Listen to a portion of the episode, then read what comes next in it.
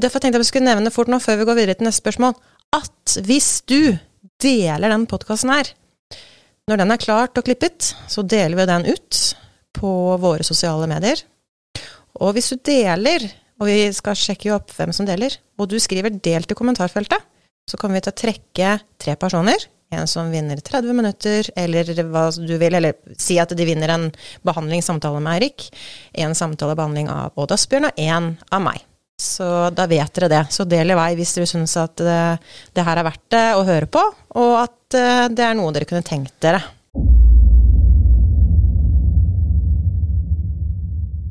Eh, og, og, vennskap òg. Jeg tok hva som helst jeg, for å slippe å føle meg ensom. Mm. Som igjen da, gjorde at jeg følte meg verdifull. Som igjen òg savna fra barndommen min pga. at faren min jobba mye. Jeg følte at jeg ble sett, jeg var feilmedisinert, så jeg oppfatta signaler feil.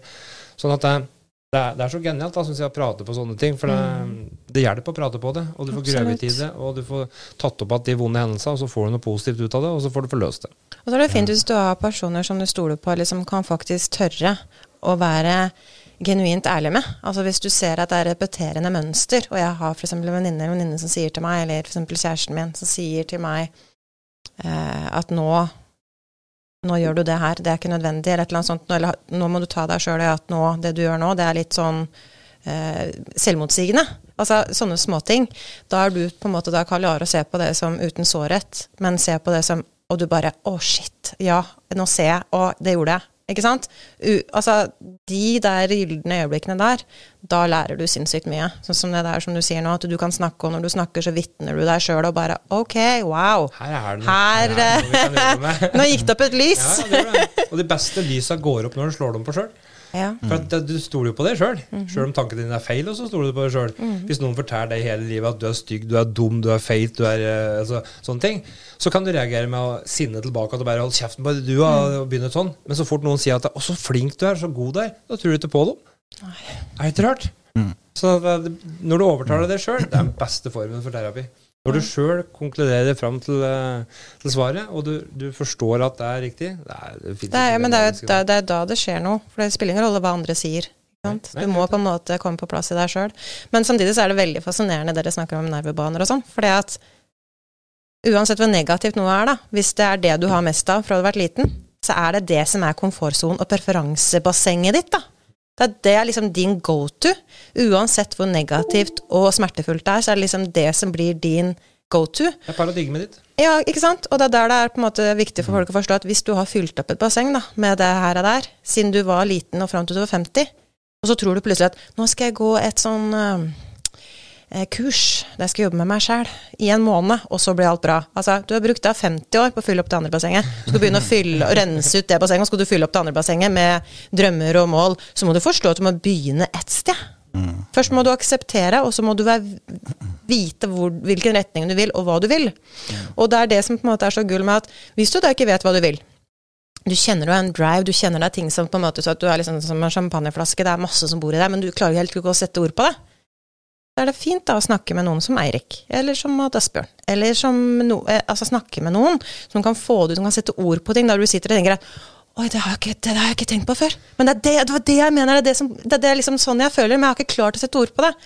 Og Derfor tenkte jeg vi skulle nevne fort nå, før vi går videre til neste spørsmål, at hvis du deler den podkasten her, når den er klart og klippet, så deler vi den ut på våre sosiale medier. Og hvis du deler og vi skal sjekke opp hvem som deler. Og du skriver 'delt' i kommentarfeltet. Så kommer vi til å trekke tre personer. En som vinner 30 minutter, eller hva du vil, eller si at de vinner en behandlingssamtale med Eirik. En samtalebehandling av Odd Asbjørn, og én av meg.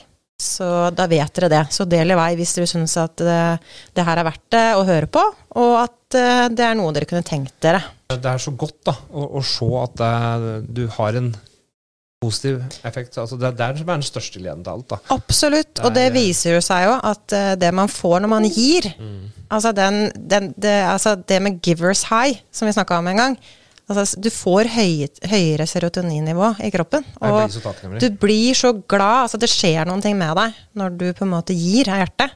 Mm. Giver seg. Så det er helt enig i. Det å kunne være et medmenneske og hjelpe noen på veien videre, som kanskje da sitter litt fast, hvis han kan om på spørsmål, og kanskje ikke vet. For det, det, er mange som sliter med at ja, men jeg vet ikke hvordan. Ikke sant? Jeg har lyst og jeg vil, men jeg vet ikke hvordan. Og da er det jo veldig mange du ringer til som sier at ja, men du må jo bare bli mer glad i deg sjæl, eller tenke positivt. Så, ja, men hvordan gjør han det? Det er det man trenger verktøy ja, eller en mm. strategi. Mm. Og hvis du sitter så fast at du ikke vet i hele tatt hvor du skal begynne med noe som helst, mm. eh, så stol på prosessen. Eh, vær, altså, det du sa først, da. Vær ja. villig ja. til å gjøre jobben. Altså du må kjenne at du vil. Skriv liste over ja. for og imot, og så mm. tar du avgjørelsen etterpå. Og da må du òg være villig til å betale for det, for det er sjelden at noen kommer og hjelper til gratis. Eh, mm. Du, det er ingen på butikken som kommer med mat at det er gratis. Du må på butikken og handle sjøl, og så må du bruke dine egne penger. Men velg da de personene som du ser at kan hjelpe deg. Ikke mm. bare ta et random kurs for at du ser et sponsa innlegg på, på, sosiale medier.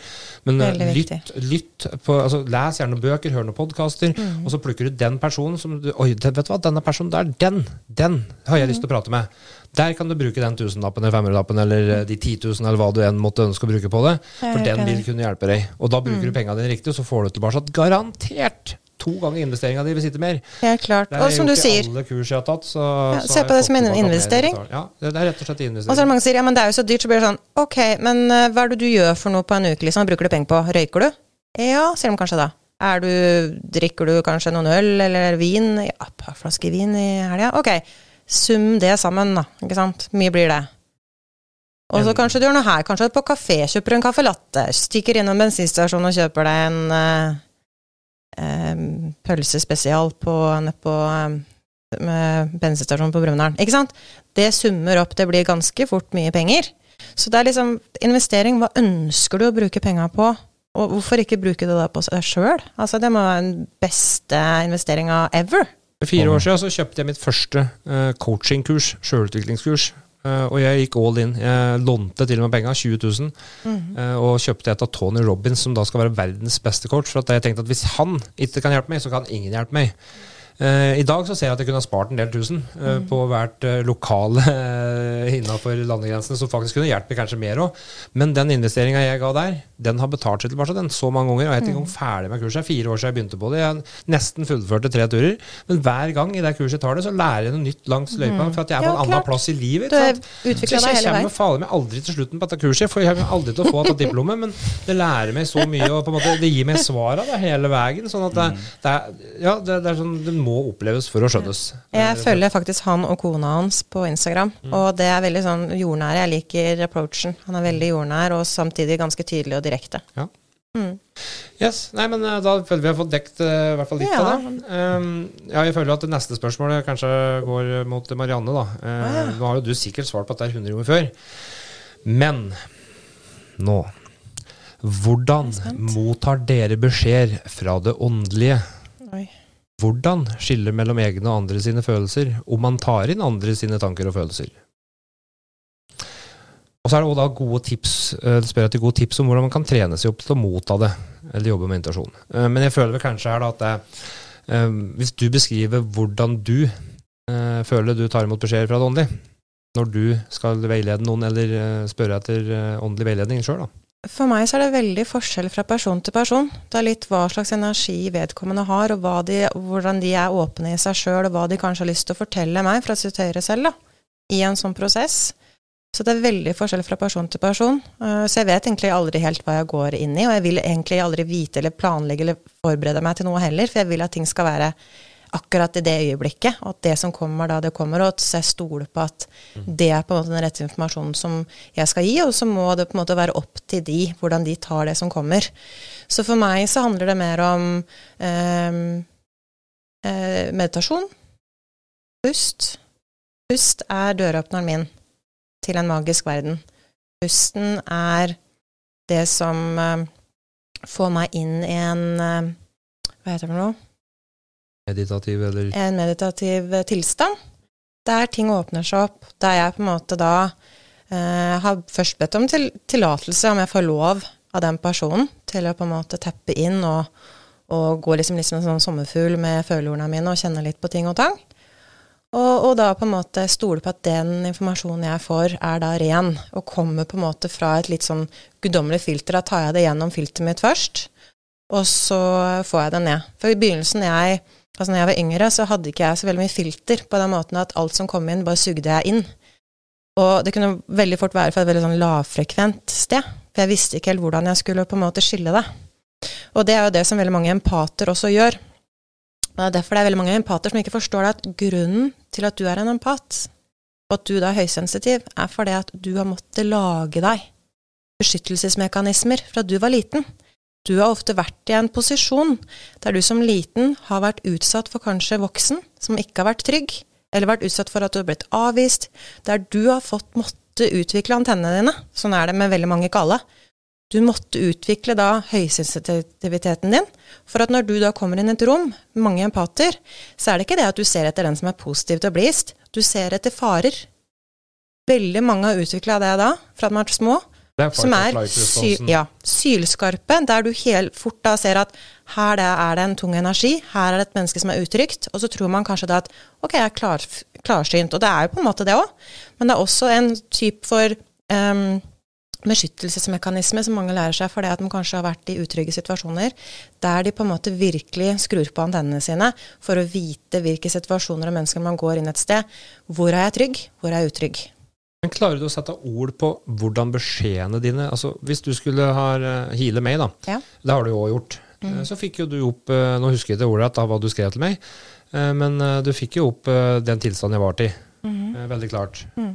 og med hun andre som du tok òg, så fikk du opp faren hennes og sånne mm. ting. Og da, da, tenker jo reptilhjernen min, som jeg har gjort i alle år da, med folk som er klarsynte, at det, dette kunne vært funnet på Facebook. Hvis du ser ja. hva jeg har delt i det siste. ikke sant? Ja. Eh, men så begynte jeg å jobbe med det nå sjøl, ja. og teste meg sjøl på hvor sikkert står jeg de skoene på min uh, evne. Mm. Eh, og nå nekter jeg, altså hvis jeg får meldinger på Messenger, jeg åpner ikke å se på profilen deres eh, med mindre det er en og annen i ny og ne der jeg må åpne opp for å se bildet. Altså jeg bare ser, topp, toppen, jeg bare ser toppen at det er en mm. person som faktisk skriver at det mm. og så for å få en følelse på, mm. på det, og så blar jeg tilbake igjen. Men, men når det er sagt, hva er det hva er det Altså, Michael han uh, har jo forklart i videoer og filmer og dokumentarer og bøker om mm. alt han på en måte tar inn, og åssen han jobber, og beskrevet det veldig godt. da. Mm. Er det det samme for deg? Ja, men som sagt, for meg så er det veldig ulikt fra person til person. Noen ser jeg ikke noen ting på. Ikke du, heller? Nei. nei. For det har jeg opplevd et par turer.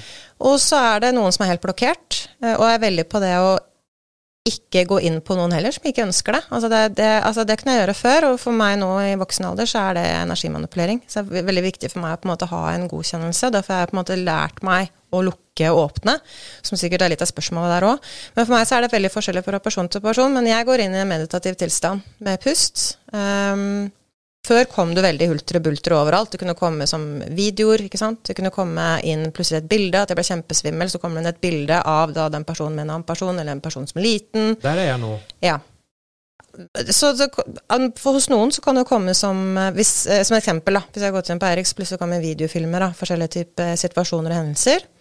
Og så kunne det vært en annen kunde som plutselig kunne være kraftdyr som dukker opp med en beskjed eller en visdom. Eller en kanskje Eh, en slektning eller en, eh, en, hjelper, et eller annet sånt, noe som kommer med en visdom eller beskjed om at den personen skal gjøre ditt og datten. Så det er så forskjeller fra hvordan energien til den personen snakker til meg. Og der er det på en måte like mange forskjellige som Det er mennesker. Hvordan den energien smaker, da hvis jeg kan forklare det sånn. Ja, og så er litt sånn, det, jeg, nå, har ikke jeg, har ikke jeg så lang erfaring. ikke sant? Jeg, har jo, altså jeg er helt i startfasen, men jeg får jo veldig gode tilbakemeldinger da, på både ja. fjernhealing og på klarsynet mitt. Tror du på det? Ja, nå gjør Bra. jeg Nå gjør jeg det. Ja men, ja, men når jeg begynte, så gjorde jeg ikke det. Og det må jeg bare si òg, for at det, uh, når du har vært tidligere rusavhengig og har sett en del ting, da, uten at du på en måte har vært så jævla åndelig Så, så det skal gå over i en sånn derre mm, I'm spiritual and I can sense everything, og jeg er blitt kristen og troende og alt, og liksom halleluja. Det, det, er jo den følelsen jeg sitter med, da, at jeg nå tror alle at jeg har blitt sånn. Sant? Og så er jeg stikk motsatt, egentlig. Jeg er jo fortsatt like rotehue. Men når det kommer til dette der, så er det vel en av de tingene jeg har blitt mest trygg på. da. Uh, og det er jo for at jeg tør å praktisere det. Men så er jeg jo ærlig, da. Uh, at jeg er i en startfase. Så jeg sier jo det at det, det er mye jeg ikke forstår ennå. Eh, så Derfor så må jeg kanskje spørre deg, sånn som hvis jeg skanner For jeg skanner jo gjennom. Jeg, går, jeg, trenger ikke mange minutter på å komme i tilstand. Mm. Nok med å få musikk på øra, se på bildet. Jeg, jeg, må ha bilde av personen. Det må jeg ha, i hvert fall nå. Uh, og så ser jeg helst med øya.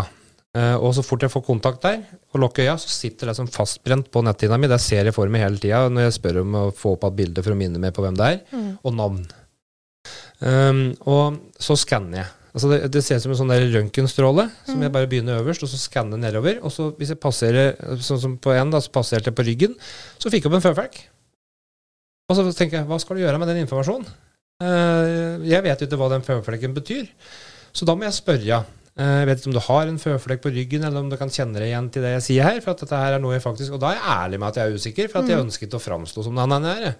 Så da spør jeg kan du relatere til det, eller at en føflekk. Og hvis du har en føflekk på ryggen, så, så tror jeg det kan være lurt å få sjekka den. Mm. Det er det jeg får opp. Og så spør jeg da om å få en tilbakemelding på om noen kan relatere til det.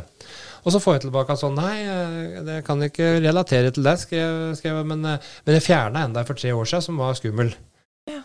Ja, men takk, da, da vet ja. jeg at det er noe, da er ikke det noe jeg trenger å gå videre inn i, for mm. da er den casen tatt vare på. Mm. Men jeg vet jo ikke om jeg får det da for at jeg skal kunne si til hun sånn at hun kan stole på beskjedene mine ellers. At det, kanskje det bare er noe jeg får. For hvis jeg kan si da, noe som du ikke kan forklare at jeg visste, mm. så vil en person få mer tiltro til deg og tro på det andre du òg sier. da, på en måte At det skal skapes et tillitsbånd med de klarsyna jeg får da. Og ikke bare det. Men det knytter tillitsbånd til deg, for du får en bekreftelse på at det du tar inn, at det er noen ting i det. For jeg syns det er sabla gøy. Uh, og, og, og, ikke bare gøy, men jeg blir veldig takknemlig. For at det, eh, det gir jo meg så mye. Jeg, for jeg kan sitte etter en healing og bare tenke hvis no, den personen fikk noe ut av dette her, da vet ikke jeg. For jeg følte at det her var alt et surra rot, og jeg skjønner ikke hvorfor jeg fikk de forskjellige tinga. Og så begynner jeg å gi tilbakemelding på de tinga jeg er ganske sikker på, mm. og så bare kommer det, kommer det, kommer det. kommer det. Så jeg vet rett ikke hva jeg sier før jeg har sagt det, på en måte, og setter det i sammenheng. Uh, og, men det som er artig, er at i, uh, i de flere, aller aller fleste tilfeller så stemmer det. Og det samme med er sånn at jeg aldri kunne Når folk spør meg Kan du finne bilnøklene mine, jeg mista bilnøklene. Så bare, jeg finner ikke mine egne engang. Så det, det er ikke vits å spørre. ja, sånn er jeg Og så hvis folk spør meg om jeg kjenner det ting Jeg har ikke gjetta riktig én eneste gang. Jeg. Men når jeg sitter og healer, mm. så får jeg plutselig opp et halskje som det mangler anheng på, og så får jeg opp et bilde av en gressplen foran en terrasse som går ned, en trapp som går ned. Mm. Og så spør jeg den uh, som jeg har sendt tidligere, at um, ka, altså, Jeg vet ikke hvorfor jeg fikk opp et halskje, men det er et halskje som betyr veldig mye for deg, tror jeg. Uh, og, men jeg får inntrykk av at det er ødelagt, eller at det er, at det er borte. eller noe, så jeg, Og så får jeg bilde av det halskjedet som mangler anheng. Mm. Og så sier jeg jeg er ganske sikker på at hvis du ikke vet hvor det er hen, så vil jeg lett ned av den trappa på terrassen din ned mot gresset. Og så sier jeg jeg har ei trapp ned til gresset bak på terrassen. Liksom. Sånn at det, Mm. Det er sånn, Jeg vet nesten ikke hva det betyr før jeg på en måte får en forståelse av det sjøl. Mm. Uh, men jeg tror at det er for at du skal på en måte hekte dine tanker på de. Da står det sånn One or more updates are available. Skal jeg trykke noe på den? Remind me later. Ja. ja. Jeg er så redd for at jeg trykker på noe gærent. Nei, men vet du hva? Men det, det, som er veldig viktig for meg, er at eh, jeg vil aldri fremstå som spesiell. Det er kjempeviktig for meg. At jeg er ikke spesiell fordi at jeg gjør ting på min måte og ser ting og sanser ting på min måte. Det er kjempeviktig for meg å, å få fram. Også det her med at når jeg tror at jeg vet noe, så vet jeg ofte ingenting. Og det er så viktig for meg, og det er på en måte litt livsbottet mitt, at når jeg tror jeg vet alt, så vet jeg egentlig ingenting. og, og, og, det er så viktig for meg, og, og, at jeg vil aldri på en måte bli fremstilt der. Det er veldig, veldig viktig for meg. Jeg kan jo Altså, jeg føler jo at jeg enda det steget, håper å si Hva skal jeg kalle det, lenger unna å være der dere er, da. I forhold til å klare å få Klare virkelig å se sånne ting og oppleve sånt, i hvert fall eh, med tanke på at dere er jo langt unna eh, de folkene dere klarer å hjelpe noen ganger. Eh, eller flere ganger. Eh, det har jeg aldri opplevd eller prøvd meg på. Men det hadde jo vært gøy å se om jeg hadde fått det til, eh, fordi jeg veit jo at jeg får varme hender eh, når mm. jeg behandler folk. Jeg har jo gått eh, utdanning innenfor massasje, akup akupressur, uh, øreakupunktur og uh, studert meridiansystem og sånt. Og jeg har spesielt noen få ganger klart å oppleve når jeg behandler de, da ser jeg for meg mennesket, eller personen, da, i visse situasjoner og mønstre de lever i. Og ut ifra det så legger jeg merke til hvor det setter seg i kroppen. Mm. Så jeg har en tendens til å klare å finne fram punkter og holde på, se hvor det setter seg i, mm. i kroppen. da. Og um, noen har jo forløst seg så mye på at de bare må legge seg ned og, mm. og sånn forskjellig. Så jeg syns jo det er veldig interessant, og jeg tror jo på det. Jeg gjør jo det. Og det er jo som Michael Winger nevnte på når han var her, at alle kan få det til hvis man trener seg til det. Absolutt. Og det er å investere tid. Um, og det blir jo sånn som trening eh, når du skal bygge muskulatur. Du må jo trene, du må jo holde på, og du må jo lære. Så jeg syns det er veldig interessant. Og Intuisjon, intuisjon er jo en muskel, men som jeg alltid sier, mm. at alle kan jo lære seg det, men det er jo ikke alle som skal gå den veien. Nei. Og det er jo ikke alle som får trent opp. Noen mm. er med mindre filter og mm. har en sterk kondisjon. Noen har en sterkere nese. Noen som jobber med mat som kokk, har mye bedre smak. Altså, så, så, det er på en måte Vi er bare forskjellige. Men jeg tenker mm. at det er en fin måte for deg å teste ting på og se ting på, fordi at alle har så forskjellige måter, da, som vi snakker om. Hvordan man tar inn ting. Mm. Ja, eh, der det er så forskjellig. Jeg har jo hatt et par opplevelser med Eirik. da når jeg starta reisa mi, når jeg begynte å kjenne på dette der, så var jo du Da hang vi sammen som erteris i mm. Runderparken. Mm.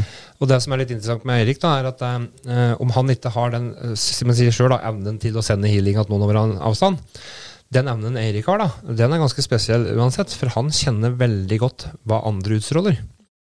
For når vi satt i et møte i Gründerparken, og det var noen der som eh, søkte meg, eller søkte eh, åndelig veiledning i forholdet sitt, i livet sitt, mm Um, så tok jeg det inn så kraftig. Og jeg, da, det var før jeg skjønte at jeg var så påkobla. Mm. Uh, så jeg begynte, jeg, jeg begynte, å bable og skravle og begynte å le altså uten at jeg sjøl visste det. Så jeg, nå er det et eller annet her. Det er noen som prøver å altså, Nå er det noen som skal nå er, altså, Jeg ble helt der, og jeg så på Erik, og så Erik bare Driver du med noe greier nå? For nå kjenner jeg det samme som da du sa. altså, jeg må jo si det at jeg, jeg la merke til hva som skjedde mellom dem. Og når jeg ser ting skjer mellom andre mennesker, så kan jeg bli så mye påvirka at jeg begynner å skjelve. Mm. Eh, for jeg har kanskje lyst til å si noe, og jeg har lyst til å forklare noe. For jeg, jeg kjente jo i dette tilfellet eh, han andre bedre enn Odd Asbjørn. Og jeg visste jo hva som skjedde, så det Asbjørn sa etterpå, forklarte etterpå, det var bare bekreftelse egentlig på hva som hadde skjedd. Jeg, ja. og det har jo skjedd to ganger òg, for det var jo noen andre der òg. Da har vi satt flere der i mm. et møte òg. Mm. Sånn at og det var jo en person som var såpass heldig å få lov til å teste uh, Teste på å si, Er det lov å si evnene sine? Altså Jeg føler ikke at det er evnene mine, men uh, altså, teste, si teste evnene, da. Si akkurat hva du vil, da. For den personen uh, fikk Altså, vi, vi, fikk så connection. Mm. for den personen spurte jo så Altså, hun hadde, hun hadde jo spurt etter råd om å få råd og veiledning. Og, og, jeg fikk jo da huet fullt av råd og veiledning. Så jeg måtte begynne å skrive ned når jeg kom hjem igjen. Og så får jeg plutselig melding til den personen Merte du det samme som meg i det møtet? For der skjedde det noe. Og så jeg bare, ja, altså jeg, jeg, jeg, sitter nå og skriver, og så sender jeg bilde av det jeg har skrevet. Og så vil du se hva jeg har skrevet? Ja, ikke sant? Så sier jeg, vet du hva, Dette her er svaret på det jeg har lurt på. Som jeg har spurt om å få åndelig veiledning av mine guider på. Så jeg bare, ja ja, da er det sikkert mening med alt, liksom. Og så begynner jeg å prate. Så der fikk jeg testa, da. Hvordan, på en måte, hva jeg tok i det og følte og sånne ting over lang tid, som gjorde at det var, det var hovedgrunnlaget. Det at Eirik merte i det andre møtet, at her skjer det noe. Han, jeg ble helt svett. Jeg, det, de, de, de, altså, han ble så påvirka, da. Jeg må bruke pust jeg, for å klare å roe meg ned i sånne situasjoner. Ja. Og når det blir så intenst i et rom med mm. få personer, så, så, blir det en bekreftelse for oss alle på en måte at her skjer det noe som vi på en måte er litt ukjent, og som er litt nytt, og som men som likevel gir en sånn litt sånn pirrende god følelse på at dette her er jo positivt. Ja, så er det bra, for da er dere også bevisst på det. For det, det, ser man jo med sånn som hjernen eh, er bygd opp på i forhold til speiling. ikke sant? At mm. hvis du er på en flyplass og du går rundt og er stressa og ser på klokka, selv om du ikke har en klokke på hånda, så vil du se veldig fort at mange andre rundt begynner også å se på klokka. Selv om ja, ja, ja. Begynner å, altså, de hadde jo tatt en sånn test opp på sånn legerom, vet du. Da det var en som reiste opp og gaula eller sa et eller annet når legen kom ut og ropte, så begynte folk å følge etter. De visste jo ikke hva de gjorde for noe, men bare fulgte etter og speila, da. Mm. Men her var jo dere bevisst på at her er det noe som foregår, og da er det veldig lett at man kobler seg på. Altså Det ser man jo hvis to personer står ved siden av hverandre òg, og er bevisst på puster, så vil alltid det høyeste blodtrykket regulere seg ned til det som er lavest. Altså Du vil på en måte speile og koble deg på den andre personen som er ved siden av. Så så påkobla er vi alle hverandre. Men hvor bevisst er vi på det? Mm, mm. Det er det som er spennende. Ja. Det er helt mm. riktig. Og, men, jeg tenker at vi kan kanskje lage to episoder av dette. Jeg skal jo bare kjøre ja, på. Tenkte, ja, jeg tror ja, vi, absolutt. Ja, vi bare kjører på når vi har så god flyt. Så. ja. For at jeg får inn spørsmål her òg som jeg syns okay, tenkte var litt sånn der eh, til dekk. da. Oi, ja. Eh, kan dere snakke litt om farene ved å velge coaching i stedet for profesjonell hjelp? Og det føler jeg er veldig veldig viktig når vi sitter og prater på sånne absolutt. ting. For at det, det er en følelse, og jeg har når jeg jobber med folk, her trengs det annen hjelp enn det jeg kan gi. Mm. Jeg syns det er veldig godt spørsmål, mm. og jeg syns det er veldig viktig òg, for at alle må, som jeg sier, være ydmyke i forhold til sin kompetanse. Det er kjempeviktig. Ingen her er leger som sitter rundt det bordet her. Uh, ingen her er psykolog eller um, terapeuter på den måten. Og det er viktig at man vet uh, og ikke tror at man er noe annet enn det. Vi kan ikke ta blodprøver, vi kan ikke Altså, vi har ikke den kompetansen. Men det er veldig viktig, for jeg får kunder som sender meg meldinger. I går fikk jeg to meldinger av folk som da sier at eh, jeg kommer til å ta livet mitt, jeg vil dø, du må hjelpe meg. Så sier jeg bare det at da må du ringe nødnummer, legger inn nødnummer, legger inn nummer til krisesenter. Da må du ta kontakt her. Mm. Jeg kan ikke gå inn i det her nå. Jeg ønsker deg alt godt. Jeg vil, håper du blir bra. Men du må ta tak til fastlegen din, psykologen, eller ringe et nødnummer. Og jeg har alltid da det å legge ved. Det, det, er kjempeviktig for meg. Og vi har også veldig mange veiledere på Wikhold som jobber, er terapeuter med lang utdannelse, altså. Mm. Innenfor masse. Eh, og som er også eh, psykiatere, noen. Eh, men det er uansett viktig at vi ikke vi tråkker over det som er kompetansen vår. Der er jeg kjempetydelig. Mm. Men uh, når det er sagt, da mm. uh, Nå driver jo ikke du på en måte med samme coachingen som f.eks. Eirik. da. Nei. Eirik har jo gått noen kurs og noen uh, runder, og det er sånn at han har jo på en måte en slags utdannelse, vil jeg si. Mm. jeg har bare ikke registrert det i et godkjent Nei, nei ikke det, men du har jo tatt altså du, du, du vet jo hvordan menneskekroppen, hjernen og tankegang og sånne ting fungerer i et coaching-øyemed. Mm. Sånn at når hun spurte om farene med å velge coaching Uh, altså, det er jo veldig lite formulert spørsmål, da, for det, det, kommer jo helt an på situasjonen, sånn som Marianne snakker om. Men jeg vil gjerne utdype det, da. Mm, mm. For jeg, jeg, mener at hvis du hadde møtt Eirik, og du hadde tatt coaching hos Eirik, så hadde han snappa opp om du hadde trengt eller om mm. du hadde klart Absolutt. det med coachingen. Absolutt. Eh, det er jobben hans å, å, å, avgjøre om han kan mm. hjelpe deg litt, eller om du trenger annen hjelp. Så faren er at du treffer en coach som uh, prøver å redde for penga sin del, at du skal fortsette å betale den. Uh, og da har du vært feil coach uansett. Mm. Men, uh, men, jeg tror at hvis du treffer Og jeg tror de fleste coacher jobber med hjertet. kanskje få som ikke gjør det, men, men, de fleste gode, i hvert fall. Det, det, er jo sånn som når jeg jobba innenfor terapeut. Jeg har jo ikke hva skal man si, profesjonelt jobba innen, innen det, men har drevet og utdanna meg over mange år og holdt på med folk rundt om. og Eh, det som jeg alltid lærte av terapeutlæreren, eh, var jo at vi skal alltid ha kontakt med lege samtidig. Yes. Eh, så hvis det blir noe utafor, si det er noe medisinsk, eller noe som da er psykologisk, eller psykose, eller noe som er mer alvorlig, mm. så oppfordrer jeg jo selvfølgelig til å kontakte lege, fordi det er visse aspekter som jeg ikke kan eller vil bevege mm. meg ut i. Men at jeg er et supplement Eh, yes. til eh, legehjelp. Det er helt greit. Eh, men da er det en klar strek imellom eh, hva som skal gjøres, og jeg vil aldri blande meg opp i dems avgjørelser eh, til lege og eh, profesjonell hjelp da, på den mm. måten. Jeg vil aldri blande meg opp i det i det hele tatt. Jeg vil bare være et, et supplement rundt det. fordi helhet i seg selv er viktig. Det er faktisk veldig sant. Og det er veldig mye helhet rundt det bordet her òg, for man på en måte spiller mye med alle aspektene, og det er det som er føler jeg er liksom Nøkkelen til økt livskvalitet er jo det å komme mer i balanse og forstå at man er alle aspektene sine. Både mm. det mentale, det åndelige, spirituelle og det fysiske. Mm. Som menneske. Og man kommer liksom ikke noe vei med bare det ene. Man må liksom få med alle tinga, alle aspektene sammen. Mm. Og da er det fint å ha noen som kanskje har en holistisk approach, men det er viktig Jeg er jo en kjempe kjempeflink fastlege. Og jeg syns det er så viktig at det, det, spirituelle eller åndelige miljøet, eller hva du skal kalle det, de som jobber da med holistisk approach, mm. ikke er så dømmende i forhold til skolemedisin og leger, og andre veien for leger. At man må ha en åpenhet. Det er da man mm. kommer noen vei. Og eh, det blir litt sånn selvmotsigende, veldig mange som da jobber med holistiske og helheten og skal være liksom så åpne og ikke dømmende.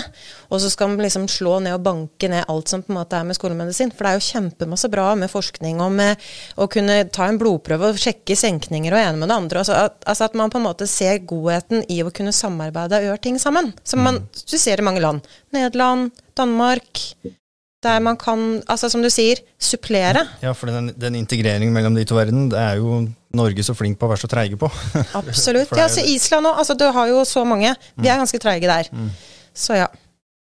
Flere spørsmål, eller? Jeg tror forskning er bra Nå må du vise trynet ditt i skjermen, så vi får åpna Jeg og Erik har sånn avtale på, på at uh, når jeg dør, da, så kan han ta telefonen min og åpne telefonen min, og så slette alle spor. okay. Jeg skulle være den ansvarlige til å dele ut uh, formen din, var ikke det? jo, altså, jeg, jeg sa, sa, at Og som en skjer, Erik, den dagen jeg dør, uh, hvis jeg dør før deg, så må du sørge for å bare få prate om mutter'n og si at du vil ha en uh, fem minutter med meg alene inne i kista, så, så, du får få opp den telefonen og få forandra koden, liksom. Så må du skrive i testamentet at mobilen ligger i kista med deg på sånn Men ikke glem, ikke glem å få med bobilen min i testamentet. Ja, men det, nå er jo alt her på båten, det kan bare styre deres eget testament. kan legge til flere ansikt på telefonen. Eller du sa to bobiler òg. Ja. Nei, men jeg føler altså, ja. Eirik har blitt kjent med meg brått og brutalt, eh, og han stoler på. Eh, det er mange andre gjør det på, altså. Men, eh, men Eirik hadde sett humoren til å få titta på telefonen min, da, gått gjennom livet mitt. Og så, og så tenkte jeg at det bildet her burde søstera ha, dette her burde mora ha, dette her burde liksom, at det her bør ingen ha. ja. Nei, fra spøk til revolver. Ja. Skal vi se her. Igjen så er det sånn kjærestespørsmål. Jeg føler jo at uh, ja, Det er egentlig bare to spørsmål igjen, da, så vi, vi går igjennom alle. Ja. Så har vi tatt alle. Men uh, det var jo det med å trene opp for å uh, skille mellom ene og egne og andre sine følelser. Uh, hvordan skille mellom dine følelser og mine når du tar inn ting eller føler ting. Mm. Men det tok tid å skjønne det. Ja, det er akkurat det. Lytte og kjenne etter og tørre å stille seg de rette spørsmåla. Og sitte da og puste og kjenne er det noe resonans i det her? Mm.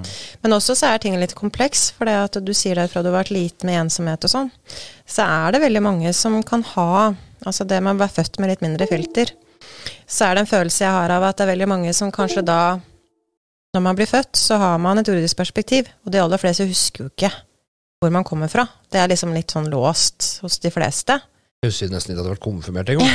Nei, men, men, det er noen som, er, som, blir født, som kanskje er veldig mye mer åpne.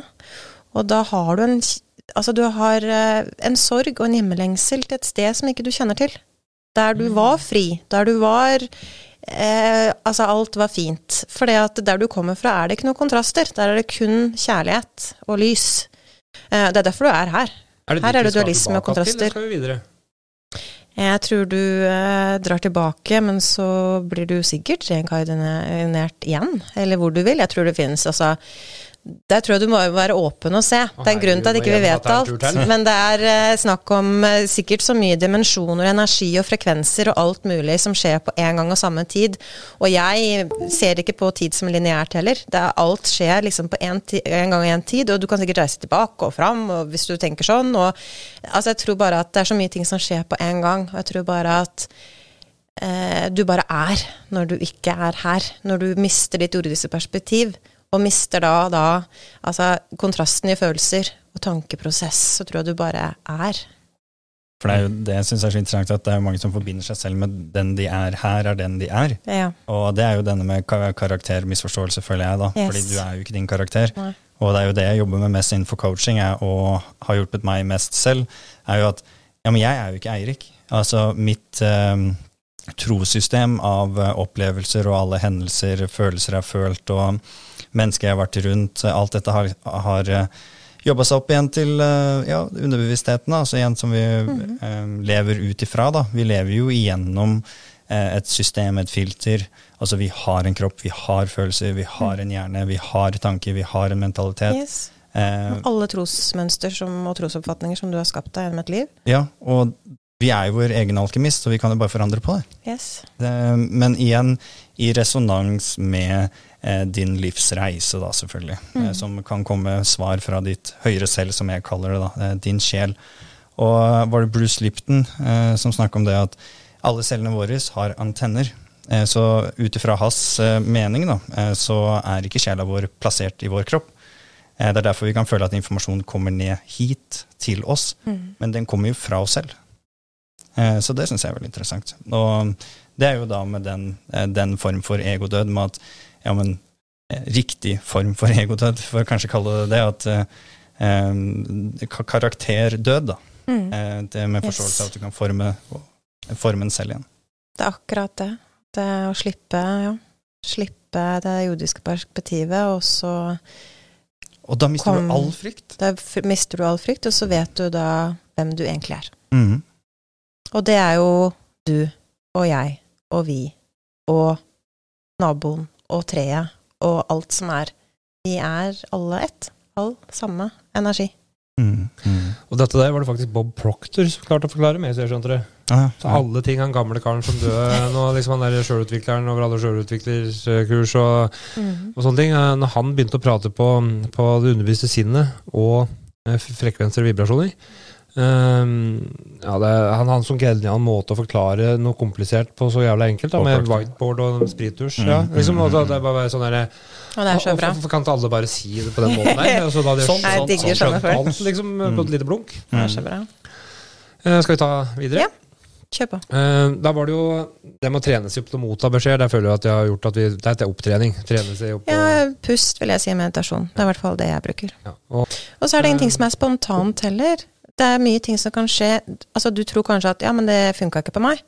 Og så ser du den personen bare med den ser, fremgangen om tre måneder det. eller seks ja. måneder, et år. Altså, det er det som er at altså, hva, Hvordan bestemmer du at ting skal skje spontant? Du vet ikke hvordan kroppen din reagerer, eller hva slags type tidssone kroppen din er i, eller hvor den er. Altså, det er det som at du vet aldri når ting forankres i deg, da. Tålmodighet og tillit til prosessen. Ja. ja. Hvordan får jeg kjæresten min til å bli en bedre mann, kjæreste? Jeg føler jeg gir og gir, men får aldri noe tilbake. Kom det sånn høres ut som en kunde jeg har hatt denne uka her.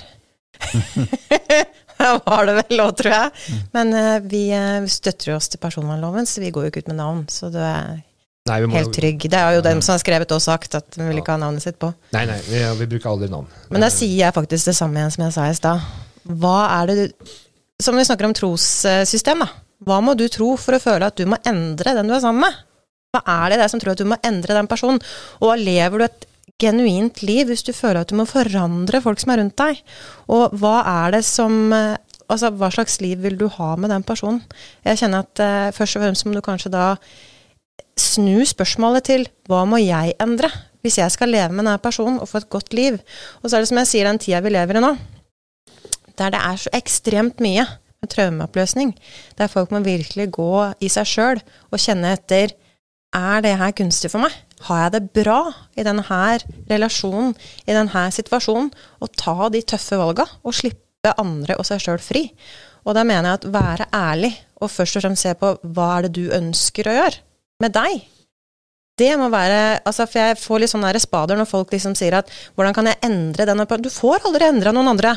Den eneste du kan endre, er deg sjøl. Det starter med deg, og det slutter med deg. Og så vil jeg bare si til den personen som skriver, er at det er veldig mange som skriver det, jeg gir og gir og gir. Men hvorfor fortsetter du å gi? Der må folk ta ansvaret. For jeg har også vært en sånn people pleaser og gitt og gitt og gitt. Og har liksom da venta på kanskje å få noe tilbake. Og, det, og, og sånne type spørsmål som det får jeg veldig ofte av damer. Som da kanskje tar en passiv-aggressiv approach og tror at mannen skal forstå det. Man forstår jo ikke noe med hinting. Altså, Du kan slamre så mye du vil med dører og alt mulig, så jeg tenker men hva er det som skjer her nå? Da må du si hva du trenger. Det å trene opp å stå i sin egen kraft, det å trene opp den sannhetsgenet, eh, det er som en muskel. I hvert fall. Det med å stå og si hva du trenger. Hva du, hva du har behov for. Det er en viktig del, og det føler jeg at i oss alle sammen så har vi jo feminin og maskulin kraft. Det har ingenting med kjønn å gjøre. Det er en kraft man har. Og menn da har jo som regel mer maskulin kraft, men du har fortsatt feminin kraft.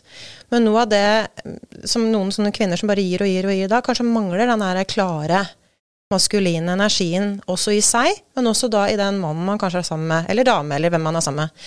Men det er det å klare å sette grenser.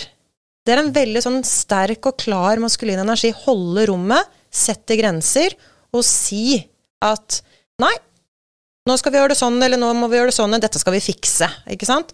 Det å romme og holde på en måte det rommet, og tillate da at den dama da, uansett hva slags reaksjon hun har, eller hva hun føler, at det, at det blir sett, at det er greit, at det er lov.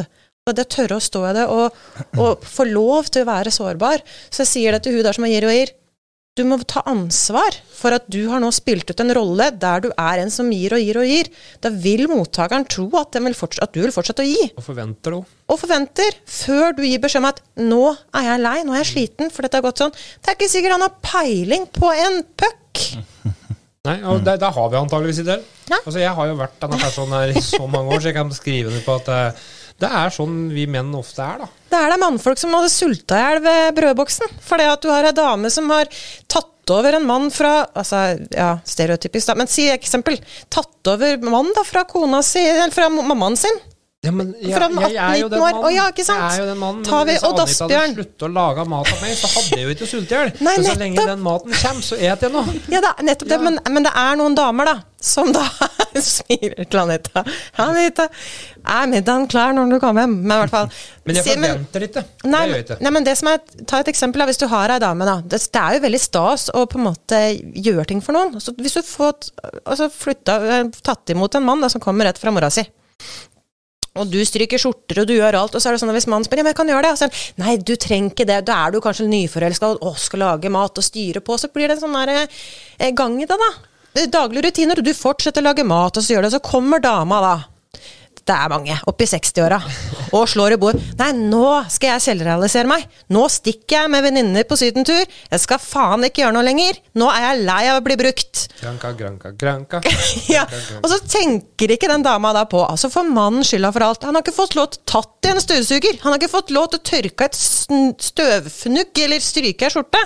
Men allikevel så skal han da på en måte få skylda for at han ikke har gjort noen ting. Han har sikkert spurt og fått beskjed, men du har alle de der som bare Nei, men jeg gjør det, jeg. Og så, etter, og så etterpå så er det sånn, og så er det sånn bak deg passiv aggressiv Jeg må gjøre det likevel. Det er alltid jeg som gjør noen ting. Og da er vi tilbake på hva dere damer føler. Og nå føler jeg at jeg må legge inn et lite ord. For det, ja, jeg kan også beskytte damer. Ja. Men jeg vil bare fortelle ferdig, da. Det var viktig. Ja, ja. For bare, altså, nå bare har vi det gøy her.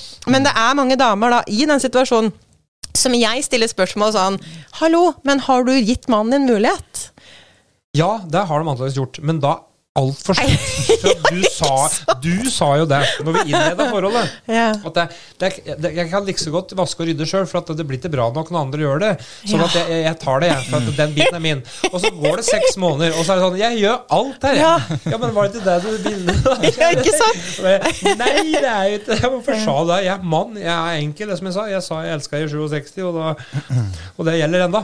Sånn at hvis det da har skjedd en endring, eh, en tydelig endring, og det er ikke nok med en sånn at hvis du sier at du kan, kan du støvsuge i dag, da gjelder det i dag i meg. Altså, da, er det sånn at jeg, da, da, forstår jeg ikke at det skal skje da hver onsdag, med mindre du setter uttrykkelig trykk på det. Og så den ene gangen jeg gjorde det, da, ja. på den onsdagen, uten at jeg ble spurt, Oi. hva var det du gjorde da? Ja. Og nå prater vi ikke på det. Altså, og, da, og, det og, det er veldig gøy, for nå tar vi det litt skikkelig på spissen. Ja, men, og da, da, da tar du faktisk og støvsuger opp igjen, og, du rydder så tydelig at jeg ser at du har gjort det. Og så spør jeg var det ikke bra nok. Og så flirer du av meg. Og så Jo da, det var det. Og så er det sånn Ok, det var ikke bra nok. Men samtidig da, så er det noen mannfolk som da gjør det, eller finner på spontant. De skal da gjøre noe spesielt. Og så blir det som en logrende hund. For da forventer de at wow, man skal få masse komplimenter. Så flink du er! Som har støvsugd hjemme. Eller som har lagd kveldsmat. Og får klapp på skulderen. Og bare, som logrende hull så får, man, får, jeg ikke bekreftelse. Nå har jeg liksom gjort ting hjemme. Men egentlig så er jo det noe som burde vært helt naturlig å gjort. Altså, jeg syns det er et pass å lage mat. Ja, men da er det ikke, da er det supert at jeg, jeg, elsker å lage mat hvis det er noen jeg kan lage til, men jeg hater å gjøre det til meg sjøl. Ja, men, men, generelt, altså dusje, lage mat, trene, alle de tinga der som, som altså, Jeg syns det er slitsomt. Ja. ja. jeg gjør det likevel, altså, men, men, det er sånn det er ikke før jeg må, nesten, føler jeg. Mm. Nei. Jeg trives eh, ganske på, mye på kjøkkenet, heldigvis. Men nå er jo også den sammenhengen med å få i meg det jeg skal få i meg, da, Jeg er jo jeg mer interessert i enn damen. Mm. Eh, og det er jo veldig få som er, veldig, er, mer interessert i det enn meg, da. Men eh, det er en ting jeg hørte på Jeg hørte på noen sånne forholdspodkast. Bare for jeg skulle på en måte oppdatere hjernen min litt på eh, det med å ha et eh, balansert, bra forhold. Eller mest mulig lykkelig, da, eh, begge to. Og det ene som satt hos meg, det var å klare å få til et 80-80-forhold. Eh, fordi mm. mange er veldig sånn at ja, vi skal være 50-50, begge skal gjøre like mye. Men da er det veldig fort at de går rundt og på en måte skal spore og se ja, vi har gjort like mye. Okay. Mm. Men hvis det er 80-80, så kan du alltid levere mer. Og hvis begge leverer mer, så er det jo abundance. Det er jo mye, eh, mye bedre da. Eller 100-100. Hvis, hvis begge to gir eh, mest mulig, så vil, vil for å bare bli mye bedre. Eh, det andre jeg tenkte på når vi snakka om det, var jo at eh, hvis man føler at åh, jeg, jeg gjør så mye mer enn deg, og jeg vil ha den tilbake. Da kom det ikke ut fra et rent sted. Ja, nettopp. Eh, så jeg føler alltid det at hvis eh, jeg, før jeg sier det også, skal prøve å ta meg selv i at mm. jeg har en følelse av at jeg vil eh, partner skal gjøre noe mer, så er det sånn hm, det, betyr at, det betyr at jeg føler at Altså, jeg gjør det jeg har lyst til å gjøre fordi jeg har lyst til å gjøre det. Yes. Det er jo en ego, egorespons, men det er veldig ja. viktig å kjenne på det òg. Ja. Og ta seg sjøl i det. Ja, og da på en måte gå tilbake, og da heller bare ta meg selv, og da sier jeg det bare rett ut. Jeg har ikke lyst til å gjøre noe nå. Mm. Jeg håper det er greit. Jeg har ikke lyst til å lage mat, men jeg kan kjøpe en pizza. Det synes jeg er så bra. Det handler jo om å, egentlig, som vi sier, kommunikasjon og åpenhet. Bli mm. kjent med hverandre. Ja. Og det å på en måte tørre å være ærlig. Si hva du trenger, og hva behova dine er. Mm. Og hvilken person du ønsker å være. Ikke tenk på at du må endre noen. Det syns jeg er kjempeviktig. Ja, og, ja, ikke sant. Og det å, å eh, ikke alltid ha svaret heller. Hvis det, er sånn som, hvis det er en vanskelig situasjon, så går det an å si at 'jeg vet faktisk ikke'. Jeg ser deg. Mm. Jeg er her for deg. Hvis du trenger en klem eller du har lyst til å prate Det er ikke sikkert jeg har det rette ordet, for jeg er ikke deg. Men jeg er her i hvert fall. Ikke sant? Det er veldig viktig. Og det er også veldig viktig å skille mellom hva er det Susan spurte, hva er det du vil at mannen din skal være? Altså, det er mann. Det er en en partner eller en som du skal på en måte vokse sammen med. Det er jo ikke noen som skal være terapeuten din eller pappaen din. Det er viktig å skille mellom roller og hva du ønsker i et forhold. Og det er jo veldig viktig å si at det, eh, her snakker vi kun om erfaringer. Vi er jo ikke heller utdanna på et område her. Nei, og så tuller vi mye òg, da. Men, ja, men litt humor må vi ha. Men, eh, men, der, eh, men mye av den læringa jeg deler, kommer fra feilene jeg har gjort. Og at jeg, jeg står trygt om, og om jeg ikke er stolt av dem, så, så skjønner jeg at det er feil jeg har gjort i forhold. Ikke bare i kjæresteforhold, men i, i relasjoner eller relasjoner generelt. Mm. Um, kan jeg på en måte bruke til å hjelpe andre da, som lurer på åssen kan du hvordan kan, hvordan kan så, hvordan kan jeg få kjæresten min til å bli en bedre mann kjæreste? Mm. Altså, du får ikke gjort en annen person til en bedre kjæreste. Nei. Hvis den ikke er en god kjæreste, kanskje du skal se deg om etter en annen? Eller om ikke yes. se deg etter, i hvert fall komme deg ut ifra det forholdet du ikke trives i. Absolutt. Det er det vi snakka om. Ta et valg. Ja, og, og da kommer vi ned på det neste her, som sier at uh, de sier at folk som har opplevd det verste, ofte blir de sterkeste og mest ressurs ressurssterke menneskene. Um, hva er det verste du har opplevd, og hvordan kom du dit du er i dag? Jeg har jo fortalt historien min såpass uh, mm. at uh, ja, Det trengs dekk to egentlig kan utdype litt om det, for dere har jo begge to historiedekk òg. Vi kan begynne med Eirik, kanskje.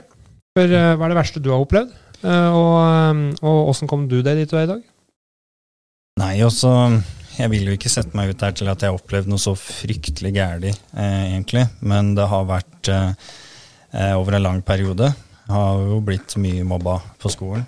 Og det var noen ganger litt eh, Ja, altså Noen situasjoner som kanskje var litt drøye, men det var den derre kverninga hele tida. Mm. Og jeg var jo eh, Hva skal man kalle det? Outcast. Eh, jeg var jo veldig annerledes generelt. Um, har alltid vært en annen type person og har sagt ting veldig raskt ut, og det har blitt veldig fort dømt for det jeg har sagt, og det har blitt misforstått. Men ja, altså jeg, jeg, er jo veldig takknemlig for alt som har skjedd, fordi det ga meg et større um, perspektiv med det at jeg var mer motivert til å gjøre en forandring. så det har hjulpet på å ikke hatt um, et større skille da, med at jeg virkelig ikke er den jeg har lyst til å være. Til å få mer lyst til å bli den jeg faktisk mener jeg skal være. Mm -hmm. og det var jo da omkring når jeg var 16-17. Så så jo på YouTube-videoer og eh, litt sånn, og hovedsakelig YouTube, tror jeg. Og begynte å komme over informasjon med å forandre på underbevisstheten, at du ikke er din karakter, at du kan forandre deg. Og det er vel hovedsakelig dette med at du kan forandre deg. Og da er det sånn shit, jeg trenger ikke være den personen mm. jeg er. Um, så ja, det hjelper jo det veldig mye på eh, å hatt det vanskelig. Men jeg vil jo eh, alltid uansett si at hvem som helst kan forandre seg. Men det må jo være sånn jo bedre du har det, jo mindre kanskje sånn ja, vits, jeg har det bra nok. Ja. Og det er jo det som er faresonen, å ha det bra nok. Eh, så ja, det er jo opp til hver enkelt. Og det Ja. Det er kanskje forståelsen av endringen som er mm. tydeligere hvis du har opplevd ja, ja, traumatiske ting. da. Det blir jo mye større kontrast. Interessant. Kontrast. Så jeg tror kanskje at det har, uh, har mer med deg å gjøre, for egen del i hvert fall. kanskje. At, uh, ja, det er kontrasten. Men, men sant, jeg ble knivstukket. Du har blitt mobba.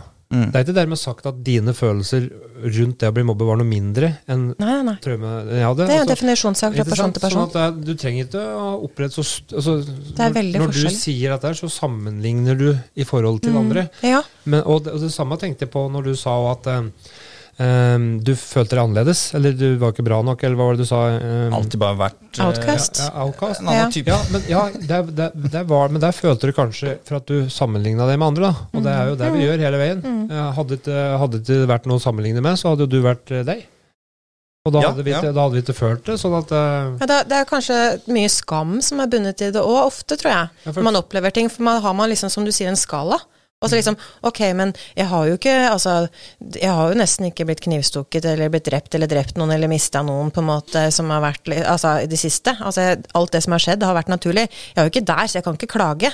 Altså, men skalaen er jo ulik fra person til person. Noen mister jo bikkja si, og den er oppå her. Mm. Det verste som har skjedd dem i verden. Mm. Mens andre tenker på at 'mista bikkja, hallo', liksom. Hva er det du klager på?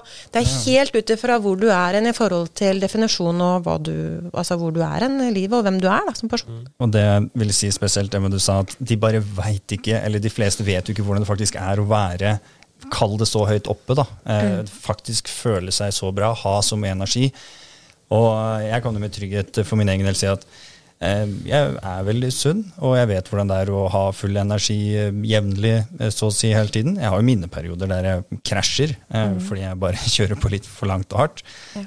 Men det at man faktisk skal Hvis man hadde, skulle gått an å på en måte oppleve det, eh, si oppleve det en dag, hvordan hadde det vært hvis jeg fikk, faktisk hadde trent bra, jobba med det jeg er lidenskapelig for, eh, og gjort masse av disse tingene? Hvordan hadde jeg hatt det da, og bare opplevd det, mm. og så kommet tilbake der de var, og så er det sånn Oi, det var såpass stor forskjell, ja. ja ikke sant? Da har du ikke bevisstheten før, før du nå kan liksom ta det dypdykket også. Mm. Ja.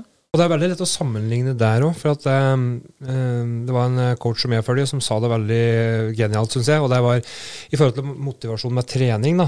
Det å skulle endre seg. Da, da er ofte trening en av de topp tre tinga du har skrevet ned på lista di. Mm. Uh, for at trening er bevist både fysisk og psykisk at det er bra for deg. Mm. Så der bør du ha med blant topp tre. Sammen med å lese bøker, lytte på podkaster og sånne ting. Men uh, han sa det så bra, da, for at jeg, eh, han hadde møtt en uh, person som, uh, som hadde mistet begge armene sine, og som måtte amputere et bein, eller hva det var. Og når han gikk på scenen og, og skulle prate til folket, så sa han jeg kan prate med deg litt om motivasjon. Mm. Hver dag jeg kommer på gymmet, sånn, og får trent, er jeg så takknemlig for. Og hver dag jeg ikke får trent, er en nedtur. Uh, mens uh, dere som sitter nå og lurer på hvorfor dere ikke kommer dere på gymmet og har alle armer og ben intakt, det kan føle litt på hva jeg, jeg føler med gleden til å få lov å ha muligheten til å trene. uten å, altså Det kan faktisk muligheten uten å måtte oppleve sykdom eller uh, å miste mm. armer og bein for å faktisk komme deg i veien. Så, men følelsen sånn, over mm. hjelpeløsheten er den samme. Ja, absolutt. Men det er jo den uh, Og det setter ting så i perspektiv for meg at jeg vet du hva, i stedet for å tenke at uff, i dag må jeg dra meg på gymmen, så blir jeg sånn der, fy faen, heldig jeg er som faktisk klarer å gå og du har bevege bein meg. Og har valget om å dra på gymmen. Ja. Mm. Det, da handler det kun om valg. Det er veldig fint perspektiv. Mm. Faktisk veldig fint, uh, fin måte å se det på. Det og, men det er jo den kontrasten. Jeg tror det er det som gjør det at det, det, blir så stor kontrast. Jeg tror at du setter så pris på så mye mer når du har vært gjennom noen ting. Jeg syns det er veldig vanskelig å skal definere noen ting som det verste.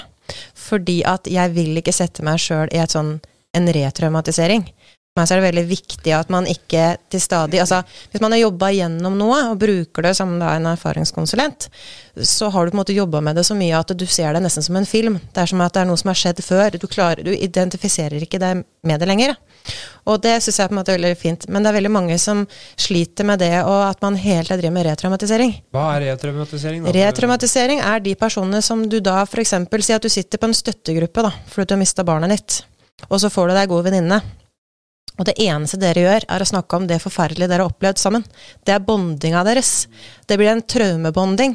Og det eneste dere gjør da som kobler dere sammen, det er det traumet. Og da går du konstant i en retraumatisering som gjør at du egentlig ikke kommer deg så mye videre. Du tror kanskje det, men du tror du kanskje driver med bearbeiding, men samtidig så er du på en måte da litt satt Mange kan, Ikke alle, da. Mange kan bruke det som en veldig god eh, terapi. Men noen kan få sitte fast i den offersituasjonen og bonde med noen fra et traumenivå. Og der mener jeg at det er viktig å på en måte jobbe med seg sjøl og kjenne på hvor er det du har kobla sammen relasjonene dine. Hvor kommer det fra? Det mener jeg er veldig viktig. Og jeg eh, og jeg, sier at jeg, jeg, liker ikke å si liksom det verste, eller at det her har vært grusomt. For det er sånn som i dag, med den bevisstheten, sånn som Erik sier, som jeg sitter med i dag, så, så har jeg lært så mye. Og jeg er på en måte så sterk nå, selv om det er jo ting jeg jobber med til stadig. Men Jeg er jo veldig på Og det var jo sist år, denne jule... Eller når vi hadde podkast sist. At uh, hvis du er i en veldig vanskelig situasjon, der du opplever psykisk, fysisk eller seksuell vold hjemme av noen Det er både menn og kvinner. Det er mye mer tabu rundt det med menn. Men det er krisesenter for kvinner og krisesenter for menn. Og i eh, desember-januar eh, 2018-2019 så var jeg innlagt på krisesenteret i to måneder. Og jeg trenger ikke å gå inn på det, for de aller fleste forstår jo hvorfor man havner der. Eh, men det var veldig mye skam i det. Fordi at jeg skal liksom være en sånn oppegående, sterk dame, og det har liksom vært beskyttelsen min hele tida. Entertainer, danser, frampå, langt opp, fram i skoa hele tida. Eh, men eh, det er det som er. Og det vi snakka om i relasjoner og forhold, er at eh, Jeg snakka jo lenge med psykologen om det her, og jeg har også vært i en rettssak. Eh, og da er det jo snakk om at du får jo det spørsmålet som jeg syns er veldig sånn uvitende spørsmål, der noen stiller deg spørsmål Hvis ting var så jævlig og forferdelig, hvorfor gikk du ikke før da? Mm.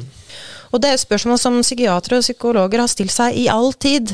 Men det som er saken, er at uansett hvor sterk du er, uansett hvor velutdanna, eh, ressurssterk, oppegående du er, så kan alle bli brutt ned av hjernevasking, manipulering. Alle mennesker kan bli brutt ned over tid. Og det er bare igjen, unnskyld at jeg avbryter, mm. men det er så viktig å få sagt, selvfølgelig, mm. Eh, det du sier der. Eh, for um, det trygge og gode, eller det som føles trygt og godt, er ikke nødvendigvis det som er best for deg. Nei. Men dette har blitt implementert over tid, mm kanskje fra barndommen òg. Du har sett foreldre behandle, faren din behandla mora di sånn, og så kommer du kanskje inn i et forhold hvor mannen behandler deg sånn, og så tenker du at dette her er jo sånn det er. Mm. Og så lærer du kanskje at oi, det er jo ikke sånn det skal være. Uh, det er det akkurat det samme som å slutte å røyke. Du har røykt hele livet, og skal du ikke slutte å røyke. Hva er det som blir mest unormalt for deg da? Det mest mm. unormale du føler, er jo ikke ta en røyk. Trekke frisk luft. Ja. Og, og, da er det sånn Igjen dette med nevrobaner og nervebaner. Mm. Eh, da må du faktisk øve deg på å gå ut av det som føles trygt. Mm. Sjøl om det føles trygt. Da, det Absolutt. Og så er det, altså, som du sier med, med lillehjerne og reptilhjerne og alt mulig, du vil alltid da være en type av respons der du gjør alt du kan for å overleve.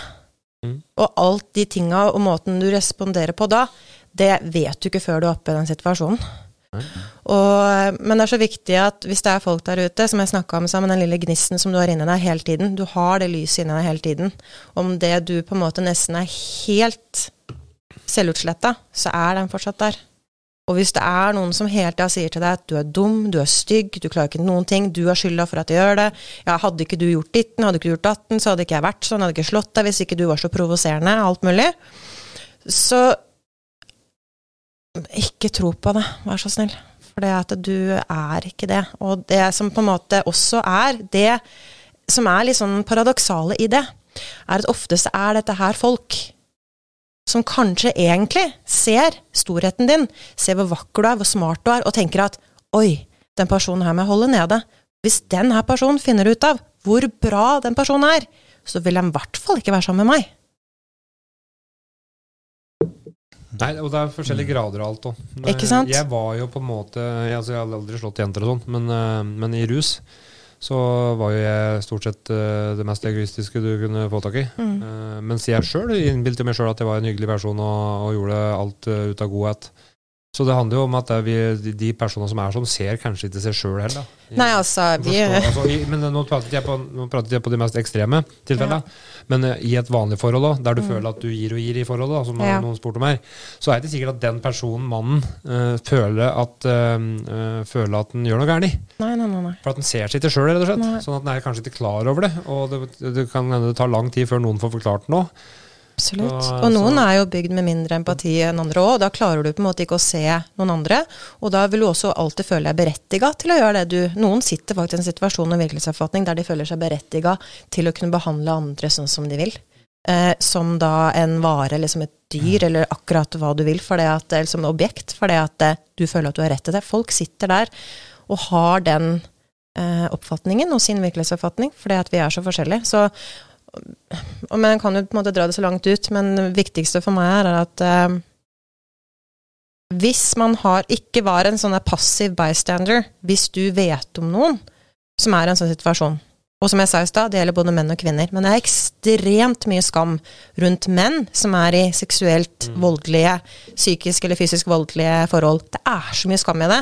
Og jeg vet at det er mange damer som roper om likestilling, likestilling, men akkurat på det området der, der er det veldig lite likestilling. Og det blir altså i rett, rettsvesenet og alt mulig, så er det så vanskelig for en mann å skulle nå fram med at de er på krisesenter og f.eks. blir da eh, mishandla av en dame, mens ei dame, da, vil ha større forståelse hvis du har bodd mm. sammen med en mann som kanskje er sterkere enn deg, og, og, mm. og, og på en måte si at du får juling.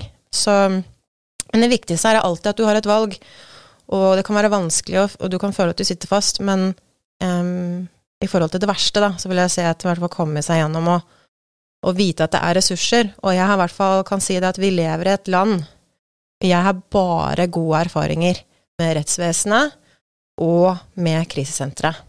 Mm. Nå har jeg vært på det nivået at jeg ikke klarte å dusje sjøl og ikke spise sjøl fordi at jeg ikke visste hvem jeg var eller fungerte eller noen ting som helst, med masse skam og på alle møter. Altså, jeg ble så godt tatt imot. Jeg må bare skryte av det, for du får høre så mye av det negative hele tida.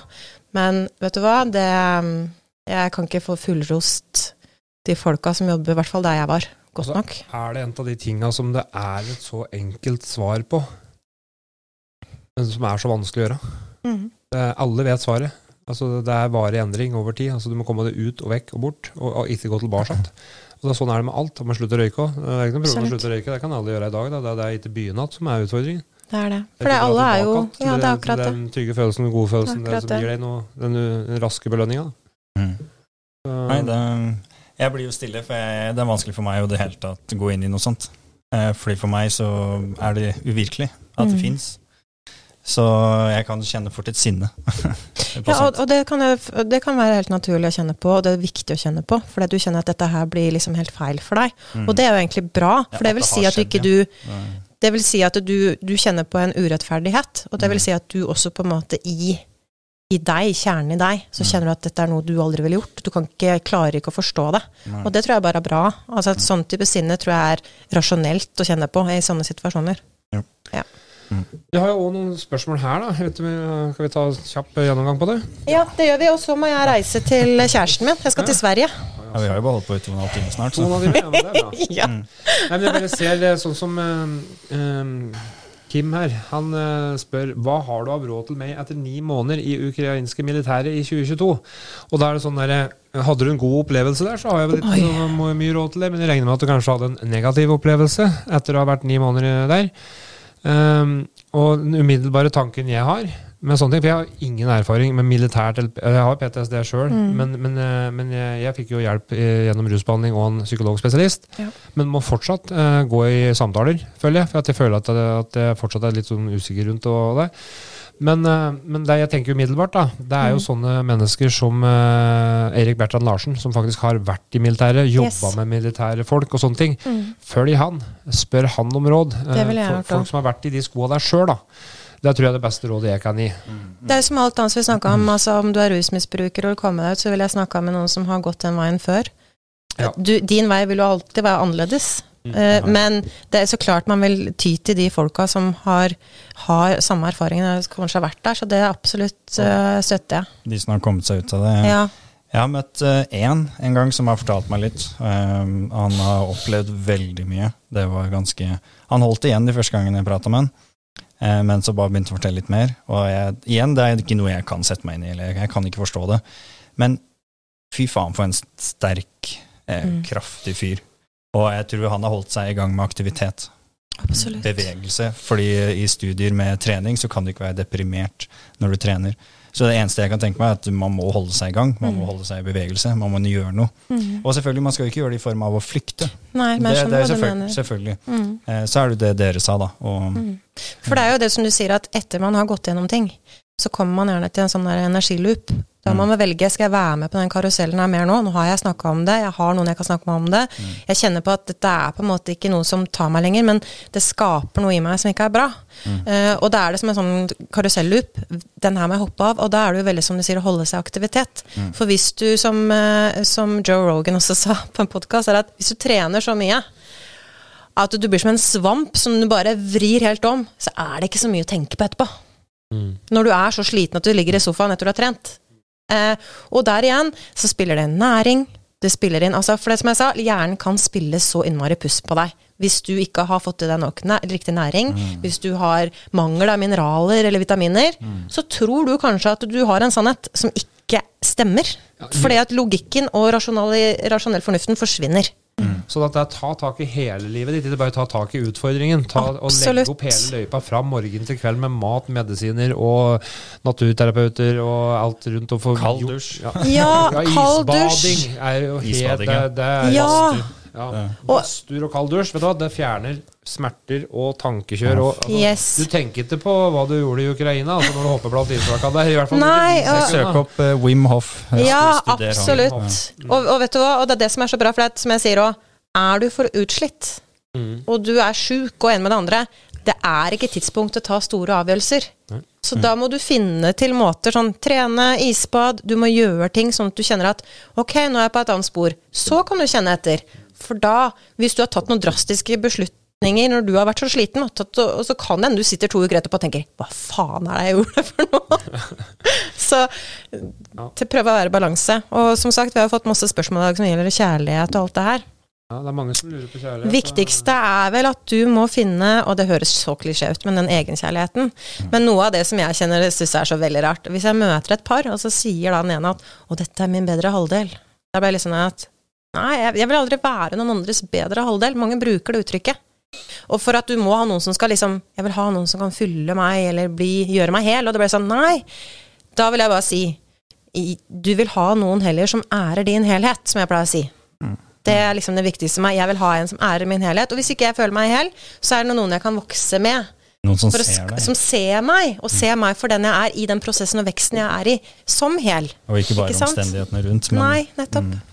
Altså, jeg vil bare rose både deg og Anita, for det at for deg først er det veldig modig å gå inn i en relasjon etter du har vært igjennom. Tørre det. Og for deg å vite at klarer jeg nå å være en god omsorgsperson? Klarer jeg på en måte å møte denne personen på den måten som trenger det? For det tror jeg kan ligge mye skam i å føle det at det, klarer jeg å gi og være en god person? Eh, og samtidig også Anita, at jeg syns hun er veldig modig, som tør også gå inn i det. Med en person som er han her på plass? Kan jeg stole på han? Altså, det kan være veldig mye ting der som, som kan være veldig vanskelig, og folk som i lignende situasjoner. Så, men det virker som at dere har en veldig god kommunikasjon, og det, det, det er liksom på alt. Du må kommunisere, vise deg sårbar, være åpen om hvordan du har det. Skape på en måte det rommet, og kunne holde rommet for hverandre og være på en måte greit. Vet du hva, det er ikke sikkert jeg vet alle svar. Det er ikke sikkert jeg kan hjelpe deg, men jeg er her.